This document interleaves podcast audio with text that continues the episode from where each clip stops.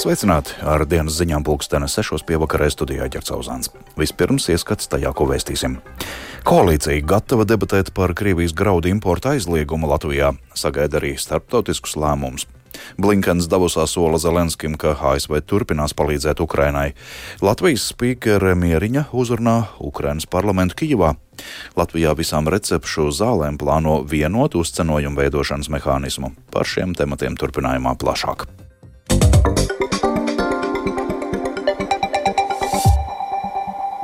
Latvija varētu aizliegt Krievijas un Baltkrievijas graudu importu, un tā varētu veicināt līdzīgus lēmumus arī citās reģionu valstīs. Tā uzskata saimnes opozīcijā sošā Nacionāla apvienība, kuras sagatavoto likumprojektu gatavi vērtēt arī valdošās koalīcijas pārstāvi. Vienlaikus tādējādi nebūtu ietekmēta graudu kustība tranzītā palīdzības sniegšanai valstīm ārpus Eiropas Savienības. Kā iespējas Latvijai ierobežot Krievijas graudu importu vērtē nozarē, vairāk Jāņa Kīņša sagatavotajā ierakstā. Krievijā audzētie graudi nav iekļauti Eiropas Savienības sankciju sarakstos, jo tos tranzītā nogādā arī Āfrikā, kur trūkst pārtikas. Vienlaikus pērn ap 400 tūkstošiem tonu Krievijā audzēto graudu palika Eiropas Savienībā, kur tos izmanto pārtikā un lobarībā. Arī šogad Latvijā pārvadājumu Krievijas izcelsmes graudu un citu lauksaimniecības produktu prognozētais pārvadāšanas apjoms ir ap 4 miljoniem tonu. Saimnes opozīcijā esošā Nacionālā apvienība rosina ar grozījumiem lauksaimniecības un lauku attīstības likumā vērsties tieši pret Krievijas un Baltkrievijas izcelsmes graudu apriti pašā Eiropas Savienībā, tajā skaitā Latvijā. Šādu rosinājumu kā apspriežam atzīst arī valdošajā koalīcijā. To pirmdien pēc koalīcijas sadarbības sanāksmes norādīja premjera Evika Siliņa no jaunās vienotības. Par likumprojektu galveno ideju stāsta viens no tā iesniedzējiem - deputāts Jānis Grasbergs no Nacionālās apvienības. Tieši importa aizliegumu, ko es dzirdu no graudu kooperatīviem, kas vēsturiski jau izsēma sev eksportē graudus no nu, arī Latvijas, kad tur, kur viņiem bija šis noiet tirgus, sadarbības partneri atbild, ka viņiem ir jau nopirkuši. Un, līdz ar to sanāk, ka mēs no vienas puses atbalstam Ukrainu, no otras puses, kā Eiropas Savienība, dodam naudu Krievijai. Krievijas salīdzinoši lētāko un pēc zemākām vidas prasībām audzēto graudu imports Eiropas Savienībā tieši ietekmē arī Latvijas graudu audzētājus.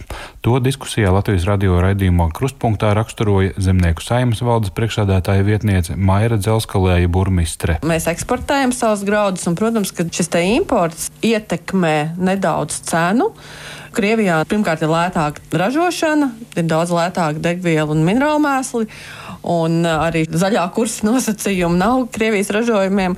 Valdību veidojošie politiskie spēki atzīst, ka ir jāierobežo Krievijas graudu imports, taču tam jābūt kopīgam Eiropas Savienības lēmumam. Ja Latvija šādu aizliegumu ieviestu individuāli, tas būtu formāls solis, jo Krievijas graudus ievestu caur citām Eiropas Savienības valstīm. To uzsver arī Zemkopības ministrijas tirgus kopējās organizācijas nodaļas vadītāja Dace Freimane. Tas būs aizliegums vienā valstī, ko tas atrisinās, nu, aizvedīs uz citu valsti. Gan konkurences, gan arī ētikas jautājums. Tā par aicinājumu neiepirkt graudus no agresoru valsts jau vairāk kārt izteicies zemkopības ministrs Armāns Krauze no Zaļo un Zemnieku savienības. Šo pozīciju viņš Latvijas vārdā arī formulējis citu Eiropas Savienības valstu ministriem. Apspriedes ir tikai sākušās, stāsta Freimane. Lietuva un Igaunija ir daudz tā kā ar pozitīvāku. Somija arī šobrīd ļoti vērtē datus. Viņi nav teikuši ne jā, ne nē. Tas ir jauns jautājums. To ir Latvija inicējusi. Process nu, nebūs ātrs, bet uh, nepieciešams, manuprāt, tāda kopēja nostāja, lai tam būtu kāda ietekme. Saimas deputātu rosinātos likuma grozījumus skatīšanai Saimas tautsēmniecības komisijā plānots nodot jau šonadēļ. Jānis Kincis, Latvijas Radio.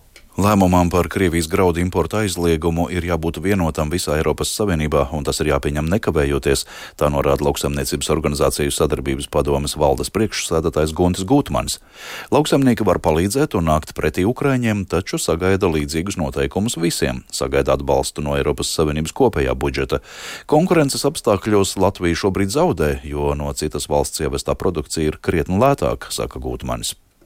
Vajadzētu kopīgi Eiropā risināt un skatīties, lai tirgus tie apstākļi tomēr vienā, vienā tirgu būtu līdzīgi. Katru dienu es saņemu vairākus zvanus no lauksaimniekiem, saka, aizliedzam Krievijas graudu importu Latvijā, varam to tirgu ciet. Mēs saprotam, ka vieni paši atrisināt nevaram. Tam ir jābūt kopējam Eiropas lēmumam, šādu aizliegumu. Graudaudzētāji saka, ka viņiem Eiropas partneri nepērk graudus, tāpēc ka viņi ir atraduši tur nopirkt uh, lētākus. Labi saprotam, no kurienes.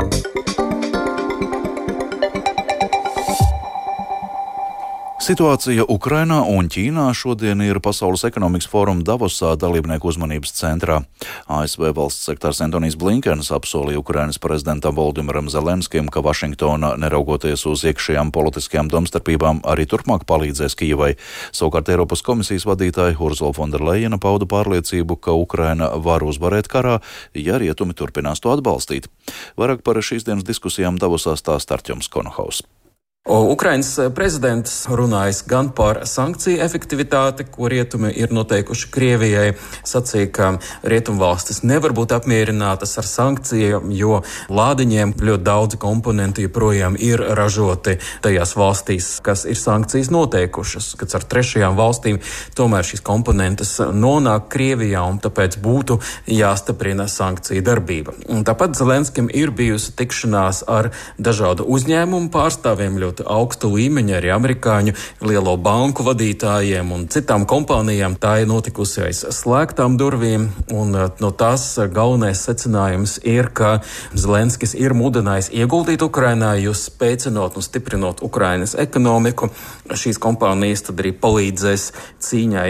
Šajā tikšanās reizē ir piedalījies arī NATO ģenerālsekretārs Jens Stoltenbergs, kā arī Eiropas komisijas vadītāja Urzula Fonderleina. Viņa arī runāja publiski, sacīja, ka Krievija ir izgāzusies militāri, ekonomiski un diplomātiski. Militāri tāpēc, ka puse no sākotnējās teritorijas jau ir atkarota, ekonomiski tāpēc, ka Krievija šobrīd ir atkarīga no Ķīnas. Finally, Krievija izgāzās arī diplomātiski. Somija ir pievienojusies NATO. Zviedrija drīz tai sekos. Ukraina ir tuvāk nekā jebkad iepriekš ceļā uz Eiropas Savienību. Tas viss parāda mums, ka Ukraina var uzvarēt šajā karā, bet mums ir jāturpina atbalstīt viņu pretošanos. Ukraiņiem ir nepieciešams paredzams finansējums 2024. gadā un turpmāk. Viņiem ir nepieciešama stabila ieroču piegāde. Lējana arī pauda pārliecību, ka 1. februārī paredzētajā Eiropas Savienības līderu samitā tomēr izdosies panākt vienošanos vienošanos par 50 miljārdu eiro atbalstu Ukrainai. Ķīnas premjeru uzrunā galvenie uzsvari ir bijuši uz mākslīgo intelektu. Kritizējis eh, dažādas barjeras, kas pastāv tirzniecībai starp valstīm, ir sevišķi tehnoloģiju jomā. Viņš nav minējis valstis, bet ir skaidrs, ka runa ir par ASV un arī daļai par Eiropu. Sacīs, ka visām valstīm vajadzētu tomēr strādāt godīgi kopējā mērķa un kopējā labumu vārdā, un arī tas attiecās arī uz mākslīgo intelektu. Kīvā ieradusies saimnes priekšstādātāja Daiga Mieriņa no Zaļo un Zemnieku savienības un Latvijas-Ukrainas parlamentārās sadarbības grupas deputāti. Dienas vidū saimnes priekšstādātāja bija tikšanās ar Ukrainas augstākās radas priekšstādātāju Ruslānu Stefančuku, pēc kuras eh, Stefančuks atzina, ka Ukraina ir ļoti pateicīga Latvijai par tās atbalstu.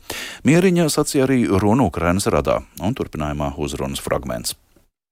Arī mūsu valstī jūsu varonība palīdzējusi izklīdināt ilūzijas miglu. Šķiet divu aizvadīto gadu laikā, atbrīvojoties no padomju mantojuma un impēriskās ietekmes savā valstī, esam izdarījuši vairāk nekā kopš neatkarības atgūšanas. Pagājušā nedēļā Saima atsavināja vienu no šādiem ietekmes simboliem pašā Rīgas centrā - Maskavas namu. Amerikas Savienotajās valstīs sākušās republikāņu priekšvēlēšanas, kas noteiks, kurš būs republikāņu partijas kandidāts ASV prezidenta vēlēšanās 5. novembrī. Pirmās priekšvēlēšanas, kas notika Ajovas štatā, ir noslēgušās ar iepriekšējā ASV prezidenta Donalda Trumpa uzvaru. Trumps iegūstot 51% balsu, apsteidzis savus galvenos konkurentus - Floridas gubernatoru Ronu DeSantisu un bijušo ASV vēstnieci Ano Nikiju Heiliju, kuriem bija saspringta cīņa par otro vietu. DeSantis izcīnīja 21,2 22% balsu, bet Heilija 19,1%. Pēc priekšvēlēšana noslēguma Ajovā trešās vietas ieguvēja Heilija mudināja ASV vēlētājus atbalstīt jaunu konservatīvo līderu paudzi. I can safely say tonight Šodien droši varētu apgalvot, ka Aiova ir padarījusi republikāņu priekšvēlēšanas par divu cilvēku sacīkstēm. Šodien es atgriežos lieliskajā Ņūhempšīras štatā, un jautājums, uz ko amerikāņiem būs jādod atbilde, tagad ir pilnīgi skaidrs. Vai vēlaties visu pa vecam, vai arī jūs vēlaties jaunu konservatīvo līderu paudzi? Trumpam un Baidenam ir aptuveni 80 gadi. Trumps un Baidens ir iedzinuši mūsu valsti vairāku triljonu dolāru parādu jūgā, un mūsu bērni viņiem to nekad nepiedos. Trumpam un Baidenam nav vīzijas par mūsu valsts nākotni, jo viņi dzīvo pagātnē.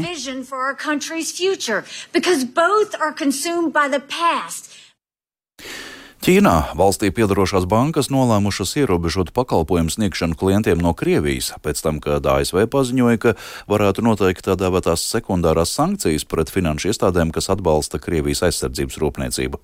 Tā atsaucoties uz vairākiem avotiem vēstā ziņu aģentūra Bloomberg. Saskaņā ar avotu teikto, vismaz divas lielās Ķīnas bankas rosinājušas ar klientiem, ar Krievijas klientiem saistīto pārvedumu pārbaudas. Turpina Rustams Šukurovs. Kā norāda Bloomberg avoti, pamatojoties uz pārbaudēs iegūto informāciju, bankas pārtrauks apkalpot sankciju sarakstos iekļautos Krievijas uzņēmumus un nesniegs finanšu pakalpojumus Krievijas militāri rūpnieciskajam kompleksam, neatkarīgi no tā, kādā valūtā un kurā jurisdikcijā tiktu veikti ar to saistītie maksājumi. Tāpat Ķīnas banku inicētās pārbaudes skars citu valstu uzņēmumus, kas veids darījumus ar Krieviju vai piegādātāju preces caur trešajām valstīm. Iepriekš Ķīnas lielākās valstī piedarošās bankas ir ievērojušas ASV ievestās sankcijas pret Irānu un Ziemeļkoreju, jo pretējā gadījumā tās riskēja zaudēt piekļuvi dolāros veiktajām operācijām.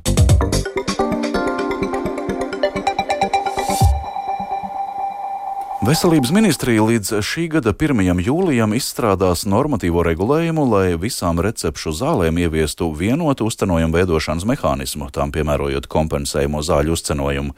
Tas teikts šodien valdība apstiprinātajā informatīvajā ziņojumā par zāļu finansiālo pieejamību. Jaunajam uzcenojumu veidošanās modelim vajadzētu samazināt zāļu gala cenu pacientiem. Konkrēti risinājumu un uzcenojumu ierobežojumu piedāvājumi ziņojumā vēl nav norādīti. Pret šīm iecerēm apspriešanas gaitā līdz šim aktīvi iebildušie farmācijas produkcijas tirgotāji. Veselības ministrija vēlas panākt, lai Latvijas zāļu reģistrā iekļauto recepšu zāļu cena nepārsniegtu zāļu ražotāju realizācijas cenu vai vairumtirdzniecības cenu Igaunijā un Lietuvā. Baltijā strādājošo mēdīju 2022. gada ekonomiskie rādītāji kopumā vērtējami kā labi. Tā intervijā Latvijas Radio 4 norādīja Baltijas mēdīju veselības pētījuma redaktora Haija Krūtaina. Esot secināts, ka ir ievērojams skaits uzņēmumu, kam pieaudzis apgrozījums. Un pētījums arī uzrāda, ka 22. gadā mēdījiem, kam bijuši zaudējumi, ir izdevies tikt pie peļņas. Un vēl par sportu. Sešu paralimpisko spēļu dalībnieks un deviņu medaļu ieguvējs Aigars Apins arī šogad gaidāmajās Parīzes spēlēs vēlas cīnīties par medaļām. Viņš Latvijas radio pastāstīja, ka šobrīd aktīvi trenējas, lai vasarā būtu iespējami labākajā sportiskajā formā. Turpināja. Protams, klusībā vienmēr ir sportistam, ja viņš nedomās, ka jācīnās par augstākiem metāliem, jā, tad nu, es domāju, ka sportistam nav vērts trenēties un cīnīties. Protams, un arī tā ir tā atbildība pret eh, Latviju, pret atbalstītājiem, pret gaidītājiem. Jo nu jau man vairs atpakaļ ceļa nav. Visi kaut ko gaida. Ja? Un pats es arī gribu cīnīties, jo es zinu, es varu. Vēl savos 50 gados es varu, un es neesmu sevi norakstījis.